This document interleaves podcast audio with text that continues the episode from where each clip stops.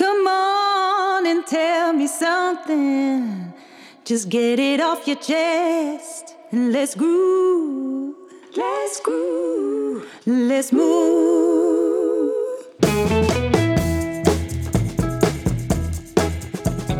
We zijn weer met de Tandersclub begonnen op Clubhouse. Nico Bezuur, eigenaar van congrescentrum De Hamermolen... en Ron Steenkis, Tanders Business Mentor. In principe elke vrijdagochtend om half negen. Ook dit winterseizoen willen we weer aandacht geven aan alle facetten van de tandheelkunde die ons bezighouden. En ieder is welkom om zich aan te sluiten op deze ochtenden. Heb je nog geen lidmaatschap van Clubhuis? Stuur een bericht naar mij. Ron Steenkist op LinkedIn. Dan maak ik dit voor je in orde.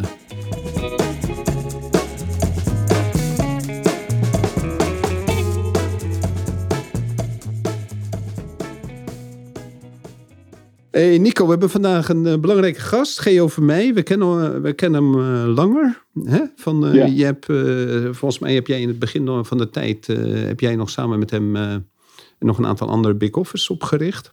Hmm. Geo... Komen we zo op terug. Oké. Okay. En Geo is degene die op dit moment een nieuwe praktijk is gestart. En hij is een van degenen die bij mij zometeen uh, heb ik het interview van, over mensen die mij beïnvloed hebben. Een ander punt is, uh, uh, hij heeft ook natuurlijk eh, net een nieuwe praktijk is hij gestart. En het bijzondere mhm. natuurlijk van een nieuwe praktijk starten is als je een keer een hele grote praktijk hebt gehad. Ehm, ja, hoe ga je dat de tweede keer doen? En daar, daar ben ik natuurlijk wel heel erg benieuwd naar. Want ik heb, ben pas één keer een praktijk gestart. En jij ook volgens mij, Nico hij heeft een prachtige praktijk had hij in Gouda, Green Line. En hij is nu in Houten een nieuwe praktijk begonnen, White Line. En ik denk dat hij alle, ja, hoe komt hij erop? En, in, uh, en um, nu hier in Houten zit hij echt in de, de middel of van het, uh, de gezondheidszorg. Daar zit hij op de eerste etage. Echt, natuurlijk voor een tandspraktijk is het fantastisch om op de eerste etage te zitten. Want dan hoef je niks af te, uh, af te sluiten van de buitenwereld. En hij heeft helemaal het volledige ABC-concept, uh, Nico. Kijk, ja, je zal beter nog dan hier. voorheen. Vroeger zat hij daar nog een klein beetje naast. Dat herinner ik me nog wel. Dat er nog wat um, bloopers, bloopertjes waren. Maar nu is het natuurlijk helemaal perfect. Ja, hij, eh. nou, die bloopertjes kan ik me niet zo herinneren hoor. We hadden ook wel een doorloopsysteem, maar dat was anders. Maar het was anders dan de gevestigde orde. Maar wat is nieuw? Ja. ja is dat zo, uh, Geo? Wat is nieuw? Ja? Ja, weet je.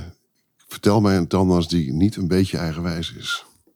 Die zijn wel heel erg saai. Ja, ja, ja, ja, ja, ja. ja. hey Nico, als je een nieuwe praktijk zou uh, willen starten, hoe zou je beginnen?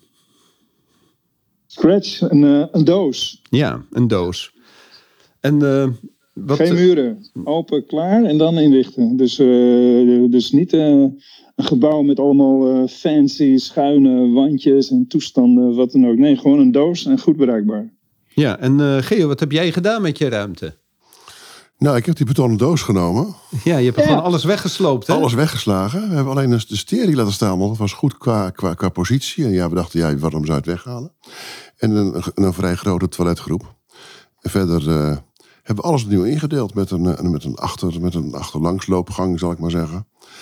En uh, ja, wat, wel, wel mogelijkheid tot sluiten van de kamers. Want dat was natuurlijk twintig jaar geleden helemaal hot, hè, om alle kamers open te houden aan de achterkant. Nou ja, Nico, als we over bloepertjes spreken, dan vind ik dat wel een kleine omissie in het ontwerp van destijds uh, open kamers. Ik heb dat nooit gedaan. Ik zeggen, daar ben ik heel blij mee. En nu ook, dan heb ik dat niet opengemaakt en een glazen deur. Die staat natuurlijk regelmatig open, maar hij kan dicht. En dan merk je toch dat patiënten waarderen dat als ze even hun ei kwijt willen of even willen praten over de scheiding waar ze in zitten of iets anders, dat de deur dicht kan. Dat vinden ze ja. een heel fijn gevoel. En het geluid van, van, de, van de kamers naast je, weet je. Dat, dat de tandarts die naast je zit. Ja, ik hoef ook niet woordelijk te horen wat ze zeggen. Dus uh, Nee, je hebt nog een harde stem. Dus het, uh, het zal, uh, als er een, uh, een heel zacht stemmetje naast je zit, zou je er niet veel last van hebben. Maar jij, jij hebt natuurlijk een harde stem, een doordringende stem. Dus het lijkt me ook lekker voor de andere mensen dat ze zich af kunnen sluiten, toch? Maar, maar, je vroeg nu aan mij en ik hoef de deur al dicht. Kan ja, ja, ja. die andere mensen. Ja. Maar ik herken het wel, Geo. Want eigenlijk als je ouder wordt dan heb je weer behoefte aan rust.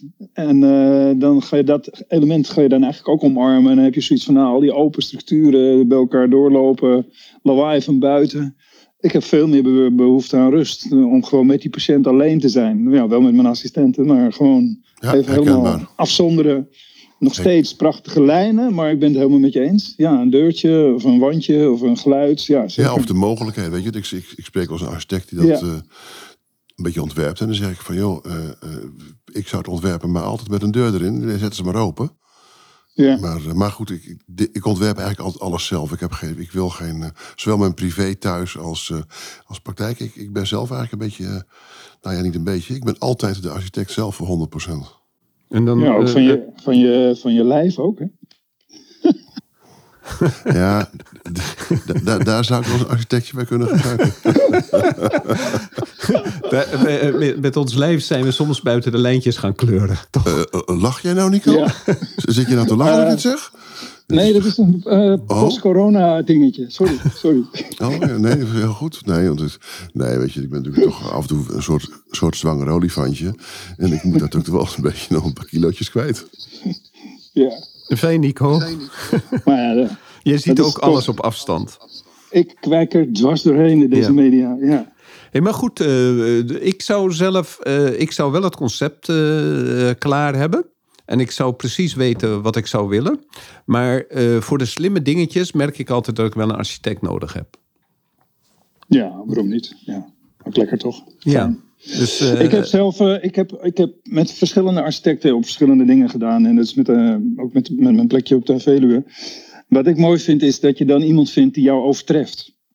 Dus je, je komt met je gedachten, je komt met je moodboard, je komt met je lijnen. En, en dan gaat zo iemand aan de gang. En is het nou je knecht of is het iemand die echt zegt... nou, ik heb er eens eventjes wat in verwerkt. En wat dacht je hiervan? En dat je dan denkt, wauw, dat had ik niet bedacht. En dat, dat vind ik dan gaaf. Weet je wel? Als ik, ja, het eh, zijn dus met- specialisten, natuurlijk. met zulke mensen wil ik dan werken. Want heeft jouw architect nog eh, dingen gedaan waarvan je dacht van wauw? Nou, kijk, ik heb natuurlijk op, wat Nico zegt is natuurlijk absoluut waar. Ik heb dan wel een architect die eens een beetje meepraat.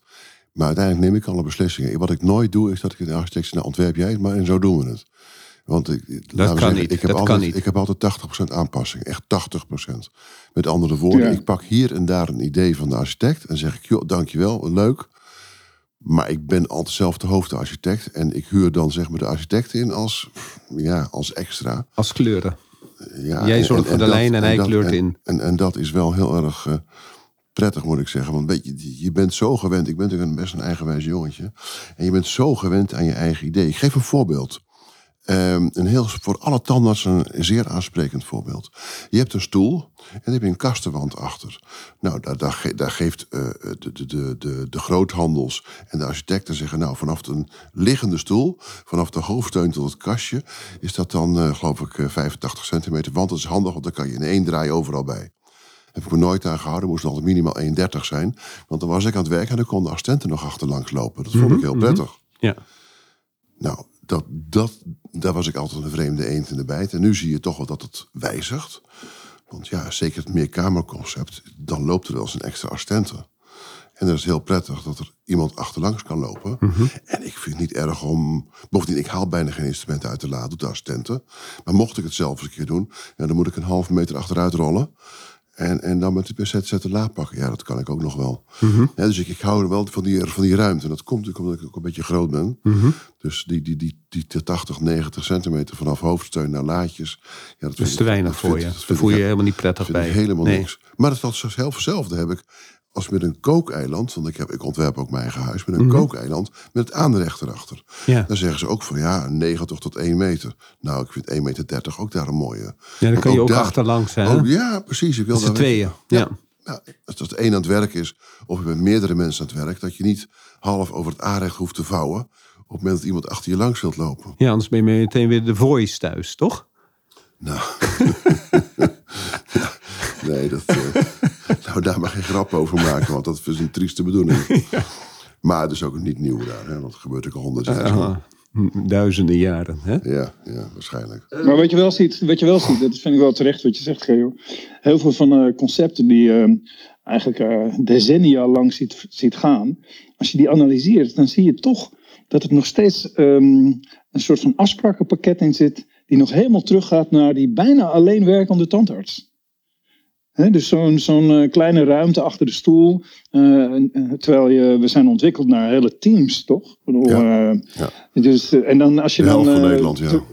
ja, en dan moet je dus eigenlijk om je soort van kookeiland heen lopen om te zeggen, kun je even aan de andere kant komen? Of je moet een enorme stoelendans doen en te weinig ruimte. Dus ik ben het met je eens. Ik vind het een mooie inzicht wat je geeft. Zeker, ja. Maar dus die, dat is dus wat je dus ziet. Hè? Je ziet heel vaak, als je naar concepten kijkt, dat je denkt, waar komt het eigenlijk vandaan? En dan is het toch nog weer helemaal terug naar kastje aan de muur. eh afzuigertje die er naartoe komt. En eh, dat, dat soort hele oude dingen, die toch nog steeds in het soort van conceptueel zitten, liggen vastgelegd in het brein. Ja. Terwijl eh, ja. echt vrij denken betekent toch ook dat je je kamer ook als een doos ziet, toch? Hup. Leeg. Nou, waar je het ook heel En- duidelijk in ziet, sorry dat je onderbreek, Nico, is de verlichting. nee, nee. En Ja. dan zeggen ze, nou, eh, een lamp is, eh, weet ik veel, 25.000 lux of zo. En dan zeggen ze, ja, dan moet de omgeving ook waarde X zijn. Nou, als je aan die waardes houdt, dat heb ik gedaan toen ik Greenline eh ontwierp in eh, 97. Dat weet ik nog heel erg goed. Toen hadden we dus ons aan de richtlijnen gehouden, de verhoudingen tussen die lichten. En de gegeven is dan dat je lamp, je unitlamp is dan 25.000 lux. Nou, Nico, Ron, ongelooflijk. Eerste week had iedereen koppijn Zo licht. in dat pand. En we begrepen dat een niet. soort Mensen voelden, zich, mensen voelden zich niet fijn. En toen dacht ik, zou het door het licht komen? Toen heb ik ze eigenhandig in een aantal kamers de lichtbakken de nek omgedraaid, de helft. Waardoor ze gewoon minder licht hadden. En toen zeiden de mensen echt van, ja, het lijkt of het beter gaat. Ja. Toen hebben we de rest van de... En toen heb ik alle Alles, lampen aan ja. te passen. Ja. En hier heb ik het meteen gedaan. Maar, maar dat, die, die, dat advies van, van de lichtcommissie voor de, voor de Nederlandse groothandels en voor de, voor de VGT, daar klopt helemaal niets van. Dat is echt uit 1912. Dat is echt een volkomen verkeerd advies. En, maar je bedoelt omdat eh, het is te veel licht. Te veel licht. Overal. En dan, dan eh, want om de stoel is het natuurlijk fijn, maar eh, ze willen dat wel heel langzaam weg laten lopen. Maar eigenlijk loopt het niet langzaam weg. Het is gewoon één, want die kamers zijn natuurlijk niet super groot. Nee, maar het is nu compleet ondervangen met die nieuwe daglicht LED-lampen. Ja, dat is waar. Nu heb je, hier zitten we dus in een kantoor met een eh, met kantoor-LED. Ja. Maar in de behandelkamers heb ik nu daglichtlampen. Even voor de, voor de luisteraar, die koop je voor eh, 60 euro in de BTW. Dus koop je vooral niet bij de VGT voor 300 euro. Maar die koop je voor 60 euro eh, in de BTW. Daglichtlampen. Dan zie je dus licht van buiten komen. En die zie je eigenlijk gewoon, dat licht van buiten zie je gewoon zo de kamer in gaan. En het gevoel dat, dat je inderdaad het daglicht gewoon overal in je praktijk is. Daglichtlampen. Ja, Eh, ik, even, dat is 5000 Kelvin. oké. En dan heb je nog, nog wit, heel wit, dat is voor laboratoria, 6200 Kelvin. 4000 Kelvin hebben we hier. En als je dan een beetje gezellig eh, licht wil hebben, LED, dat zit op 3000 Kelvin. Dat doe je in een kantine. Oké, is even eh, het is goed. Dat, Les- ik hoop les- dat iedereen meeschrijft. lesje licht. Oké, hey, en ehm, ehm, wa- wat is een, ehm, iets wat, wat betreft de, de, de, de architect waar je echt op moet letten? Hoe heb jij je architect gekozen? Destijds, destijds in, in, in de... Oh, heb je dezelfde architect voor Greenline als Whiteline? Nee, nee, nee, nee, nee. Mel, Mel leeft niet meer. Ehm, nou, Mel was de overbuurman en eh, die hield net zoals ik eh, destijds van een lekkere borrel en een goede hap eten. Dus wij vonden elkaar snel. Ja. En eh, Mel had eh, exorbitante ideeën, want we moesten naar Milaan afreizen. En daar moesten we door de stad heen lopen en daar gingen we dan ideeën op doen voor de praktijk. Nou, we hebben een fantastisch weekend gehad, maar we hebben geen enkel bruikbaar idee mee kunnen nemen. nou, niet helemaal waar. We hadden toen dat soort gesponsde behang, weet je, zo'n muur. Ja, ja, die je dan ja. gesponst Oh, geel-wit. Dat Zo'n hebben we dan meegenomen uit, uit de winkel van Versace. Dat vond ik zo mooi daar. Maar ja, of dat nou de waarde was van, van, van het bezoekje, weet ik ook niet. Maar we hebben een leuke tijd gehad. En eh, nou ja, Mel heeft nogal wat andere dingen goed toegevoegd, de architect. Hij zei, kijk, als je 10, 12, 15 kamers gaat maken... wat je dan niet moet doen, is om een fabriek te vermijden... dat je eh, zegt, ik maak een, een grote, brede rechte gang naar achteren... en dan links en rechts gewoon die kamers, hè, nummer 1 tot en met 15. Ja, ja. Hij zegt, dan voelt de patiënt zich niet oké. Oké. En, toen, en hij heeft mij dus we- wegwijs gemaakt in het begrip de menselijke maat. En, eh, en eh, hoe, hoe heb je toen die gang opgelost dan? Want je moest die 15 kamers natuurlijk... eh, Ja, dan heb je dus twee gangen. ja? Achter een- elkaar of, nee, nou, links-rechts? Links-rechts. Dus dan, heb je, dan krijg je in een gebouw dus twee gangen die parallel lopen. En dan heb je dus een middenbeuk waar je sterilisatie en zo in Mhm, kwijt mhm. kan in je röntgen. Maar die gangen die lopen ook niet recht. Die gangen die gaan ook zigzaggen. Dat betekent, als je het begin van de gang staat, dat je net niet 12 meter verderop kan kijken. Want daar ja, zit die ja, een hoek. dode hoek in. zit er. Ja, en dan- dan, heb je niet het gevoel hoe lang die gang is. En het blijft natuurlijk ook een, een soort avontuur dan. Want je, Een je beetje bent toch spanning. benieuwd wat er een beetje gebeurt. spanning hè? erin, inderdaad. Dat was wel een leuke manier. Dat hebben we hier niet gedaan, want dat, was, dat is hier niet groot Nee, genoeg voor. nee. Maar dat was wel leuk. En ik heb heel veel dingen van, eh, van Mel geleerd. En, maar goed, helaas, eh, Mel is niet meer. En, eh, ja, eh, dus ik heb het hier helemaal zelf gedaan. Zoals ik al zei, ik ben altijd zelf de architect. Want ook in die tijd, eh, tot toen Mel er nog was, toen gaf Mel allerlei tips en zo. Dan zei ik, ja, nee, nee, dat gaan we niet doen. Eh, we gaan het toch zo doen. Want ja, weet je, ik ben wel in mijn tandarts zijn ehm, ook een beetje zakenman. En dat betekent dat ik altijd kijk van, joh, ik kan wel leuke, eh, op advies van de architect, blauwe kastjes maken. Mhm. Maar na zes jaar is al blauw wel verschrikkelijk uit. Dat is waar. Dus ik En- dacht, ik neem een, een, een soort nephouten eh vinyl pakketvloer. Ja, gewoon degelijk. En dan witte Ja. kastjes. En, en, en dat, dat, ja, dat is ook in een huis, weet je. je, gegeven moment, als je het ooit wilt verkopen... of, of er komt een tandartsband, dat is een van het problemen, is personeel. Ja, ga jij dan als personeel bij die blauwe kastjes werken?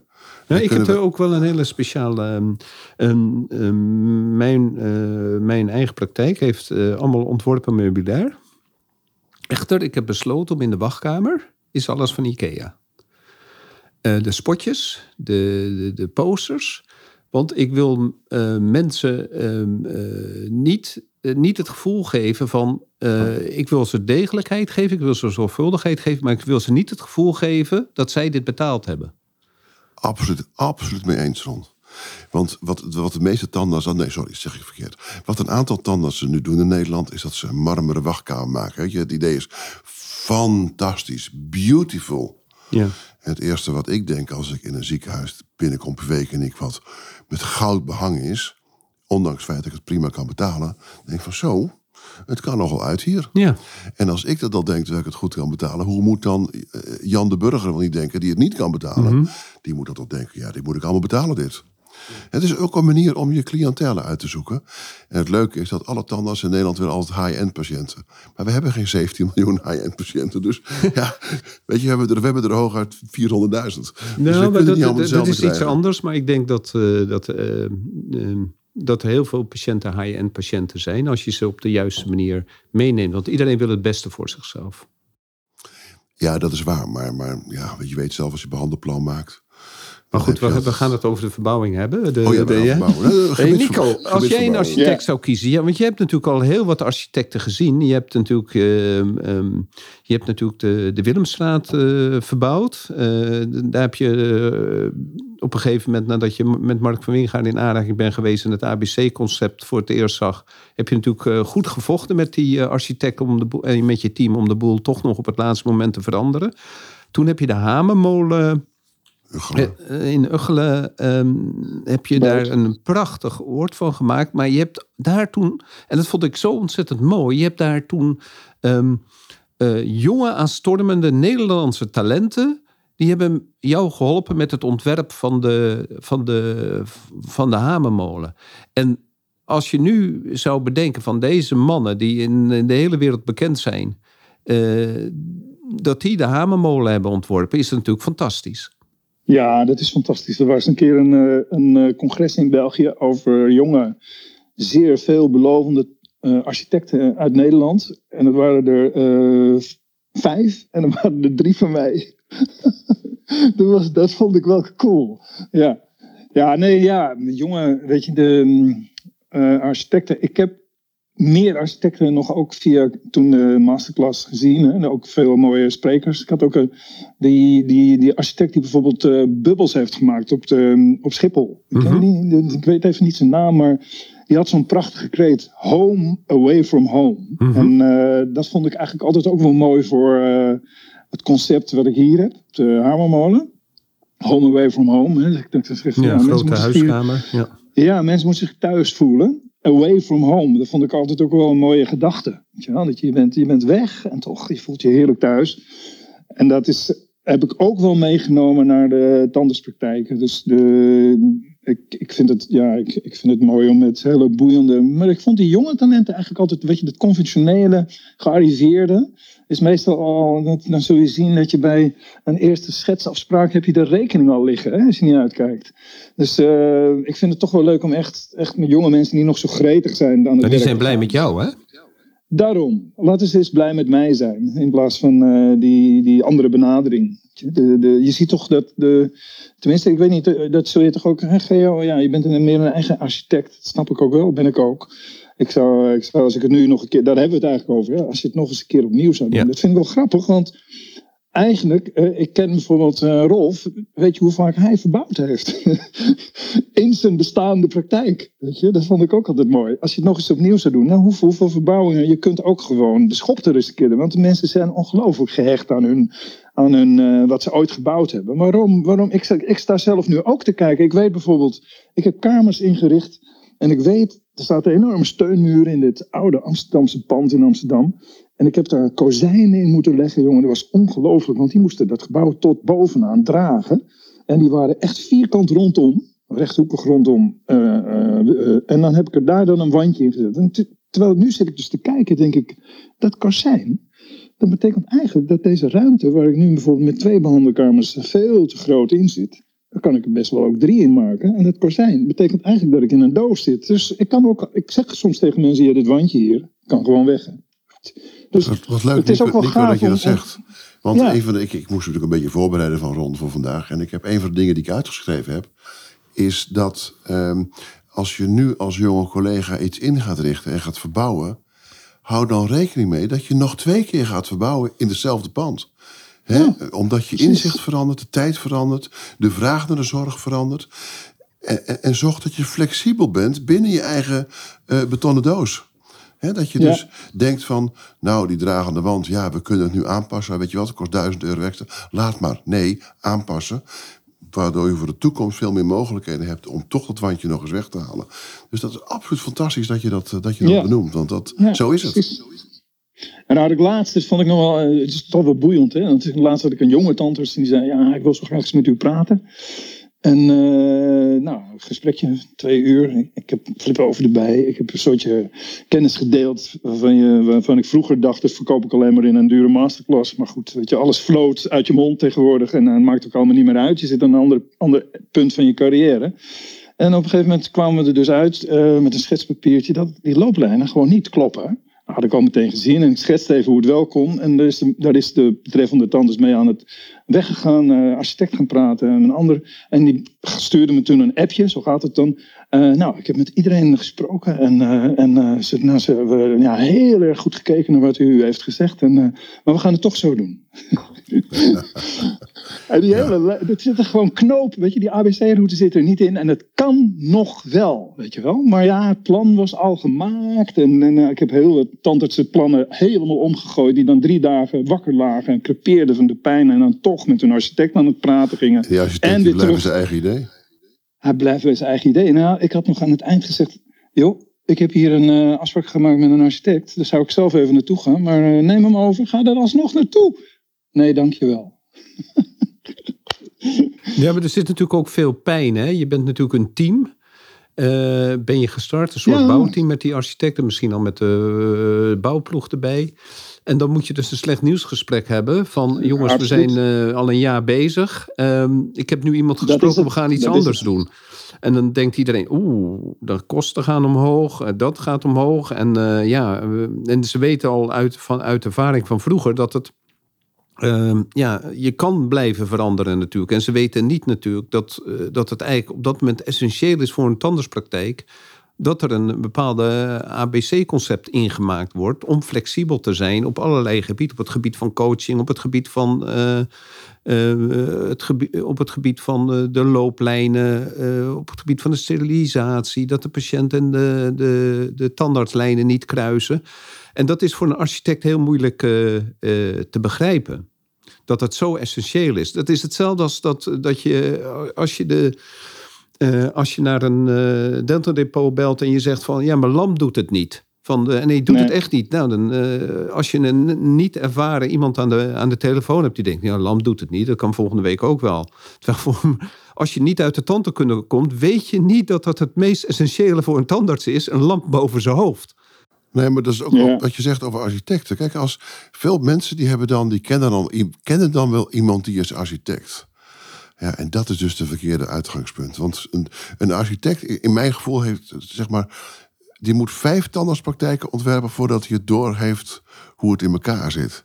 Ja, en als iemand dan met alle respect voor die architect, een architect wel kent, want eh, de vriend van zijn vader of de achterbuurman of wie dan ook, die wil dat ook wel eens doen. En die zegt, joh, ik, ik help jou wel een beetje. Ja, dat is niet de architect die je nodig hebt. Je moet echt een architect eh, hebben die dat eh, dan toch wel snapt.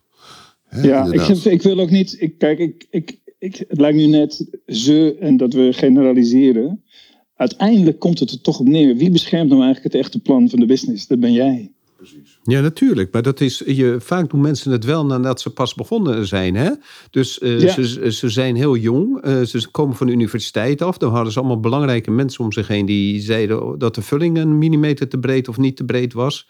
En nu hebben ze een architect. En die wordt dan een beetje als, eh, niet als adviseur gezien... maar als de, de, ja, als assistent van zaal als het ware. Want zo zijn we opgeleid. Hè? Dat, Ja. we hebben eh, echt eh, diep vertrouwen in, de, in degene die ons opleidt. En ik denk dat ja, de, eh, mensen zijn heel jong. Hè, en eh, ja, ze zijn heel erg afha- afhankelijk van wat de familie vindt. En wat, eh, ja, je, je hebt nog niet de kennis die je zes, zeven jaar later zal hebben.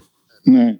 Maar weet je, er is een, er is een toch een soort gouden eh, regel. Hè? Als je, kijk, als je, als je wilt veranderen, dan moet je dus de pijn en het plezier ervaren.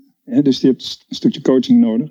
Maar eigenlijk als je een bouwtekening pakt en je pakt eh, drie potloden, staflid, eh receptie, nou, maken, pak er nog een paar. Een patiënt, een kleurtje, en een staflid, een kleurtje. En een, eh, iemand die de, het management doet en iemand die de ac- academy leidt. En iemand die een rondleiding heeft. En kleur die nou eens door elkaar heen. En kijk nou eens waar je, ze kunt, waar je kunt zorgen dat ze niet steeds kruisen. Nou, dan komt het ontwerp vanzelf goed. Weet je? Dus het is eigenlijk zo dat je, je moet op een gegeven moment gewoon. eh, En, en je moet ook voelen, dat vind ik nog het belangrijkste. En ik denk dat we daar natuurlijk heel erg met elkaar eens zijn. Wat het je gaat kosten als je het verkeerd doet op de lange termijn is ongelooflijk veel. Het is echt ongelooflijk veel. Dus als het over geld gaat aan het begin, van ik moet het helemaal omgooien en het kost zoveel geld, dan denk ik, nou jongens, zullen we even de vermenigvuldiger hier opzetten? Dus, maar laten we daar niet te lang bij stilstaan. Er zijn vast nog meer facetten. Ron, wat was je eerste de indruk eigenlijk van die praktijk van Geo, de Nou, nieuwe? Nou, White Line. eh, ongelooflijk goede locatie. Cool. Echt een fantastische locatie waar alle zorg van houten zit op een bepaalde plek. En hij zit op de eerste etage. Of de tweede etage. Echt Ja. fantastisch. Met een mooi uitzicht eh, op een paar, paar punten op, het, op de oude dorpskern. En eh, op het groen Ja. aan de andere kant. En eh, alle, alle looplijnen om binnen te komen zijn duidelijk. Een grote parkeerplaats voor. Je kan eigenlijk niet fout lopen. Cool. Ja, de, de, de, de, de conciërge is eigenlijk de huisartsenpost en de apotheker, volgens mij. Dus daar, daar ben je dus ook vanaf. Die kunnen altijd, als mensen de weg kwijtraken, kunnen, kunnen de mensen de goede kant op sturen. Dus dat hoef je zelf niet te doen. Echt, het is, eh, je loopt naar binnen, je ziet meteen de receptioniste. Je hoeft er niet over na te denken.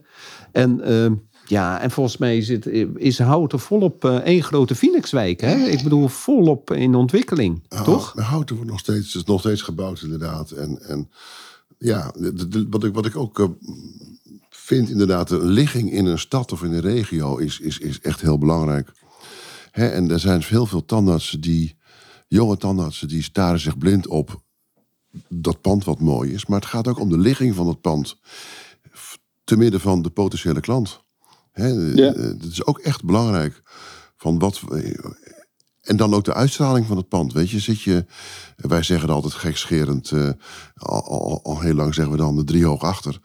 Maar ja, er zijn inderdaad eh tandarts die driehoog achter zitten. Maar dan heb je een hele zware taak. Om toch je zichtbaarheid te vergroten. En natuurlijk hebben we dan tegenwoordig. Let op, afgelopen twintig jaar websites.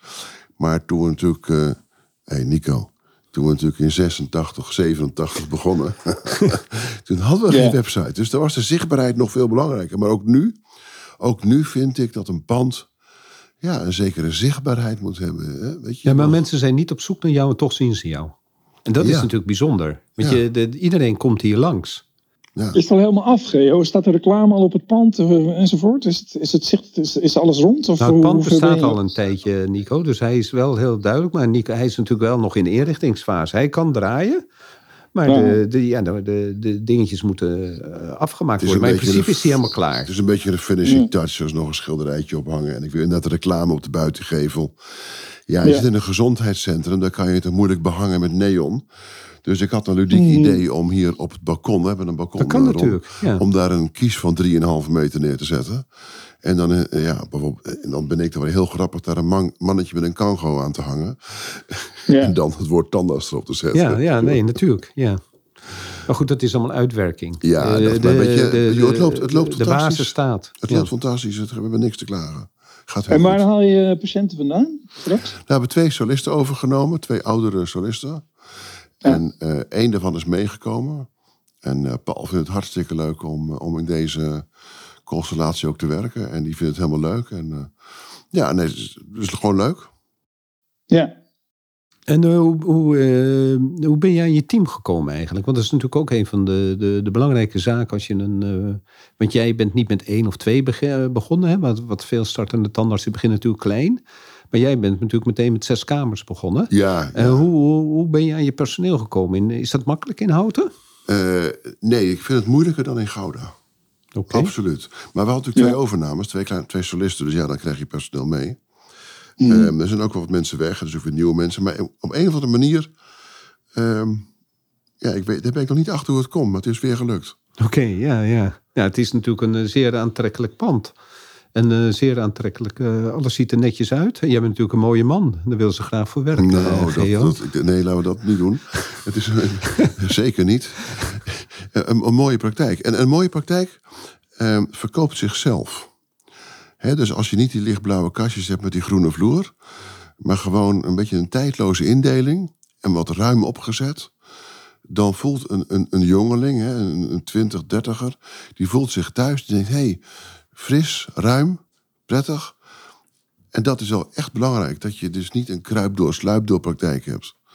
Nu, hè, in de, als je nu mag kiezen, daar praat ik het over. Want ik mag nu kiezen, dus ik heb net zo lang gezocht dat ik een mooie doos vond. dacht van nou, dit vind ik nou een mooie Ja. plek. En hier zie ik mogelijkheden om het in te delen zoals ik wil. Want jij bent, je, je zat in Gouda. Je, je wilde verhuizen naar het midden van Nederland. Gewoon met je huis, hè? Eh, waar, hoe ben je toen in Gouda terechtgekomen? Hoe ben je je onderzoek gestart? Of is het gewoon per ongeluk gebeurd? Nou, dat ging eh, niet per ongeluk. Ik moet daar de ziekenfonds nog voor danken. Want ik zat op eh, nummer 1245 van de wachtlijst van het ziekenfonds. En Eh, je hebt het dan- nu over 1986, Ik moest, ja, 85. ik moest acht jaar wachten voordat ik een, eh, een praktijk toegewezen zou krijgen. Dus ik, eh, ik was kansloos als tandarts. En er was een tijd heel veel mensen naar het buitenland gingen. Ja, en ik, ik ben toen geneeskunde gaan studeren. En mijn vader zei, nou ja, als je de garage wilt gebruiken, jongen, dan mag je wel een praktijk starten. Ja. Nou ja, en eigenlijk als spelenderwijs heb ik dan een behandelkamer gemaakt. En ik studeerde ook geneeskunde. En ik was gewoon het vreubelen, lekker bezig. En toen kwam er een, eh, een klein praktijkje in Gouda, was in Reewijk, kwam er een klein praktijkje in Gouda te koop met een ziekenfondscontract. En dat heb ik eigenlijk zonder overleg met, met het ziekenfonds, heb ik dat maar gewoon gekocht. Ja. En eh, ik ineens twee praktijkjes Ja. op vijf, zes kilometer afstand. Ik heb ook nooit eigenlijk geambieerd om een grote praktijk te hebben. Dat is gewoon ontstaan. Organisch, ja. Ja, en toen had ik eh, een veel te grote wachtkamer in Gouda. En dacht, nou ja, maak daar ook maar een behandelkamer van. Dus had ik twee behandelkamers. En toen, ja, toen kwam daar mondhygiënisten. En preventie was er, dat bestond nog niet. En, en maar waarom dit- Houten? Ja, Nico? Volgens mij ga je... Dit ga je straks doen, Ja, toch? nee, Dit dus waarom gesprek. specifiek Houten? Hoe ben je aan de locatie gekomen? Waarom, waarom ben je niet in Zeist Oh, oh, begonnen? Of waarom see, niet in... eh, Nou, we gaan in Zeist wonen, dus wilden we Ja? niet in Zeist een praktijk hebben. We dachten, nou, we gaan dan nog in, eh, in andere... Ja, en dan... hoe, kom je aan de, hoe kom je aan de plek? Nou, je, Je bent een beginnende tandarts. Hoe kom je aan de plek? Hoe heb jij dat gedaan? Oh, I see, I see. Ik heb eerst, eerst, eerst de bekende kanalen ingeschakeld. Dus, want het is niet zo dat je de landkaart pakt en zegt... nou, ik zet een punt en dan ga ik cirkelen... en, en- en dan komen ze online binnen. Nee, zo werkt dat niet. Hè, je kunt niet het optimale krijgen. Dat kun je proberen natuurlijk wel. Dus wat we gedaan hebben is... eh, natuurlijk kijken van... Joh, binnen een rijdafstand van Zeist of Driebergen of wat dan ook... of Utrecht... Ehm, en dan hebben we gezegd, nou, wat, wat, wat de bekende eh, tussenpersonen... ik zal ze niet met naam noemen nu, maar je, we zeggen... de KNMT heeft ook een, een lijstje met praktijken te koop zijn... en zo zijn er nog een stuk of vier, vijf. En je moet dan toch je netwerk in, eh, is, is, is aan het werk zetten. Van, jongens, weet u nog wat? Vertel het tegen me. Nou, en dan krijg je in twee jaar tijd, laten we zeggen... twintig praktijken aangeboden. Ja, en daar moet je dan toch maar in kiezen. Ja. Tenzij je zegt, ik ga vanaf nul, vanaf scratch beginnen. Raad ik het dan dat ze nu niet, toch niet echt meer aan nu. En waarom niet? Ehm, nou, dat is vooral een kosten-batenafweging. En kun je dat uitleggen? Ja, ja zeker. Toen, toen we natuurlijk in de 80 en 90 jaren begonnen... kon je nog zeggen van, nou ja, weet je, ik, ik koop een stoel en ik doe dat en dat. En ik ga op mijn eigen manier aan het werk. Tegenwoordig zegt de inspectie, en terecht... van luister, je moet daar en daar en daar aan doen. Dus je basisinvestering is tegenwoordig echt veel hoger. Ja, en dat betekent dat je dus toch ook meteen ook wat meer geld moet verdienen. Dus heb je patiënten nodig. Weet je, als je alles perfect in moet richten, en dat moet ik van de inspectie, en dat verwacht de patiënt ook, is terecht. Maar dan moet je wel, ja, weet je, je, je richt geen praktijk meer in voor twee ton. Nee, nee. Dat komt toen wel. Wat zou jij doen, Nico? Op nul beginnen of eh, praktijk overnemen? Overnemen. Ja? Ja. En dan Ja. gewoon ergens anders beginnen of op dezelfde plek als het een mooie eh, doos zou zijn? Nou, ik, ik, kan me wel. Ja, de ik, ik, ik snap het wel. Kijk, ben- wat Geo zegt, de landkaart ziet er eigenlijk nu uit. Dat je dan zegt eh, welke praktijken zijn er eh, eigenlijk nu, nu beschikbaar. Ik denk wel dat. Ik zou denk ik wel actief denken. eh, Ik hoef niet per se een lijst te hebben van mensen die zich hebben gemeld om over te nemen. Ik denk dat ik ook wel echt kan denken welke praktijk zou ik willen overnemen. Dat zou ook nog wel een benadering kunnen zijn. Weet je wel? Dus dat ik op een plek eens even rondkijk en ik denk, kan ik, deze, kan ik hier wat bezielend, inspirerend samenvoegen in één gebouw? Dat ik mijn kansen bekijk. Ze hoeven wat mij betreft nog niet op die shortlist te staan. Dus ik zou dat denk ik nog, nog ietsje ruimer nemen. Maar als de shortlist interessant is, is het ook goed. Maar je zou koude acquisitie dan doen. Je zou gewoon iemand bellen en... eh, Ja, ja daar dat vind ik wel leuk. Ja. Daar ben ik, dat, daar ben ik wel met Nico eens. Dat, dat hebben we ook geprobeerd. Ja. Maar weet je, als je natuurlijk dan één, twee of drie kamers wil, is dat goed. Maar zo ga je natuurlijk vier, vijf, zes. Dan heb je ineens concurrenten. Dat Oh heet- ja, een dat heet- grote concurrent, Dat heet ja. ketens. En die zijn Ja, altijd Tijd. voor. En die zeggen, als jij zegt, Ja. nou ik wil zes ton betalen, zeggen ze, nou wij acht. ja, en, en dat, dat. Maar dus, dus ja, overigens, eh, ik vind een keten niet negatief. Laten we dat even vooropstellen. Past niet in het kader van deze podcast, maar ik vind een keten absoluut niet negatief. Ook niet in kwaliteit. Nee, hoeft ook niet. Nee, Nee. zeker niet. Kan wel, hoeft niet.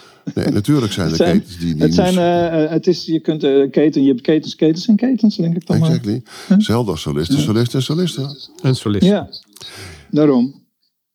Maar ik heb wel. eh, mm, ik hou wel van mooie, unieke bedrijven. Dat vind ik ook mooi. Dus een keten is wat groter en ruimer. Maar ach joh, een keten is gewoon meerdere praktijken. Maakt het niet uit. Daar kan je ook van alles van denken, toch? Ja, Ik, was in, ik was in eh, 1990 al bezig met een keten, jeetje.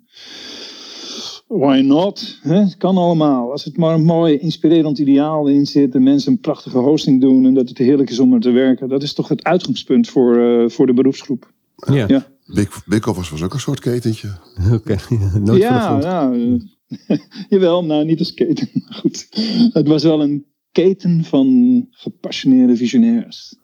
Heb jij nog een, ehm, eh, of geldt voor jou ook Nico, hebben jullie nog, ehm, je moet natuurlijk weer de boel inrichten met de apparatuur. Heb je nog een, ehm, een slimme zet die je kan doen om, eh, om tot goede apparatuur voor een, eh, voor een eh, kwaliteit eh, prijsverhouding die heel goed is? Heb je daar een, eh, of hou je dat Ja. liever intern? Nee, nee, nee, dat wil ik best wel delen hoor. Ik, ik, ja, weet je, ik, ik houd niet zo van, ondanks het feit dat het hier en daar best wel goed spul is, ik houd niet zo van om dan naar China of zo, Chinese producten te gaan. Ik probeer dan toch een beetje eh, ja, Europees te blijven. Ehm, Maar goed, je hebt een aantal dental depots en eh, die hebben overlappen.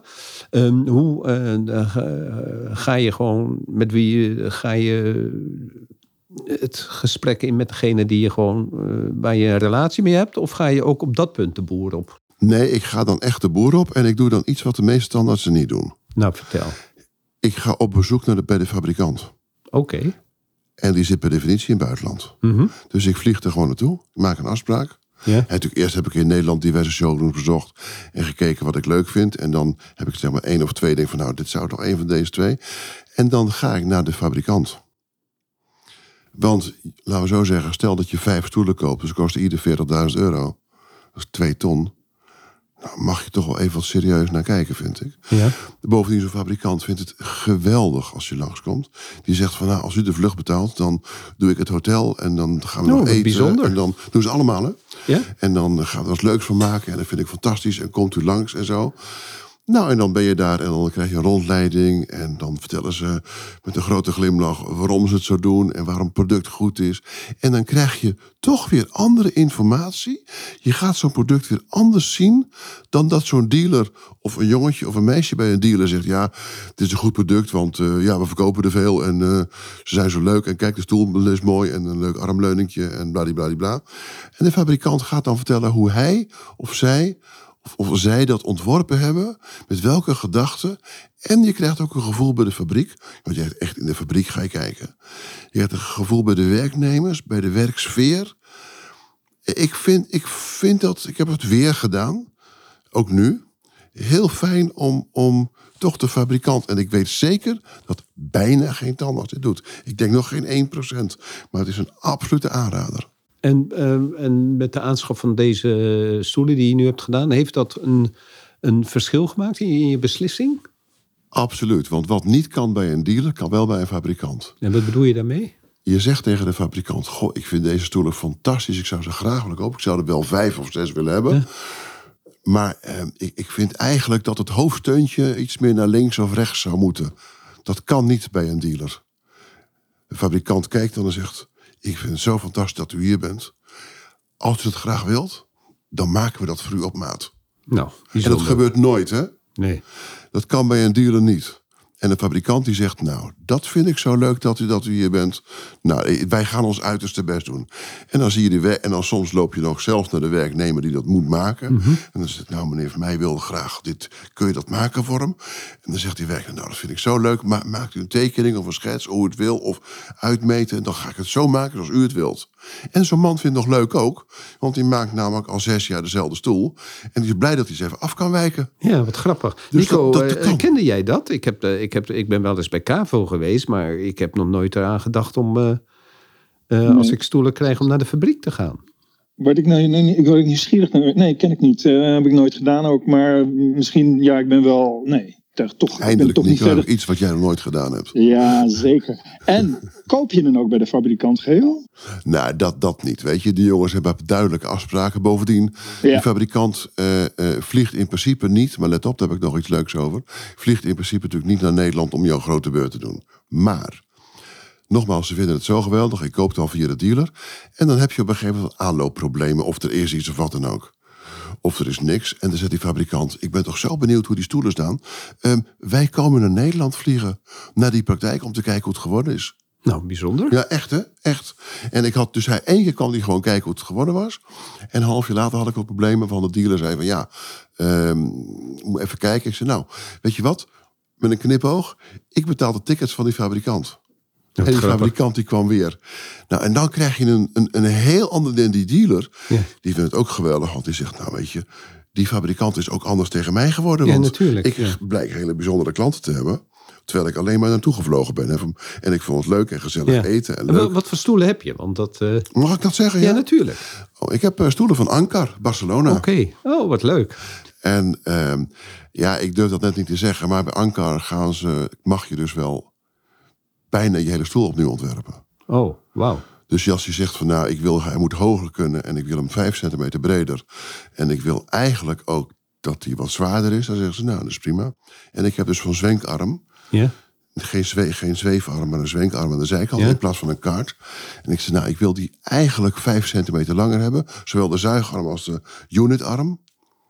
En zei, nou, dat is goed. Hij zegt, ehm zullen we het eerst even een proefopstelling doen? Of je meteen eh, de goede hebben? Ik zei, nou, doe maar één stoel in proef dan.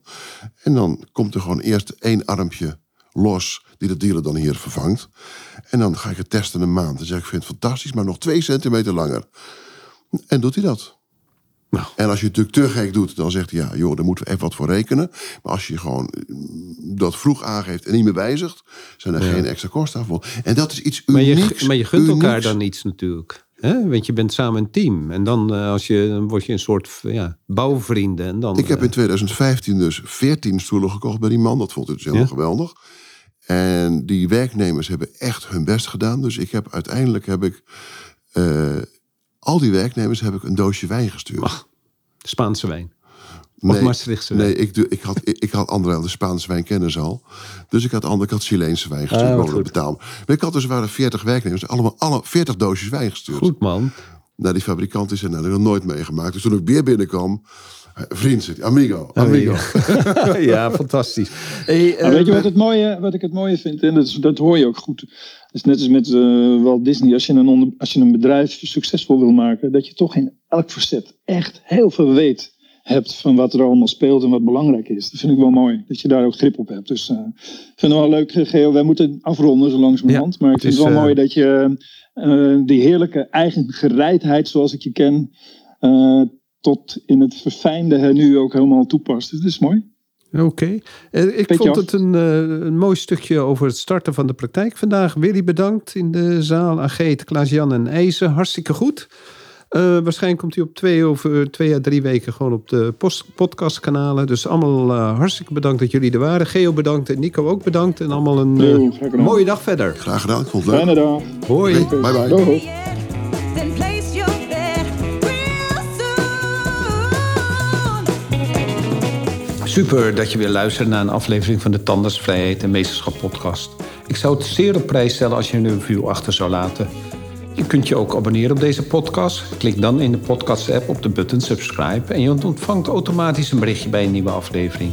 Ken je iemand die deze podcast ook leuk zou vinden? Deel deze dan. Via Spotify kan je dat heel simpel door op de drie puntjes te klikken en te delen. Je kan mij ook bereiken via mijn LinkedIn-account. Ik ben te vinden onder mijn naam Ron Steenkis. Nogmaals, dankjewel en tot de volgende keer.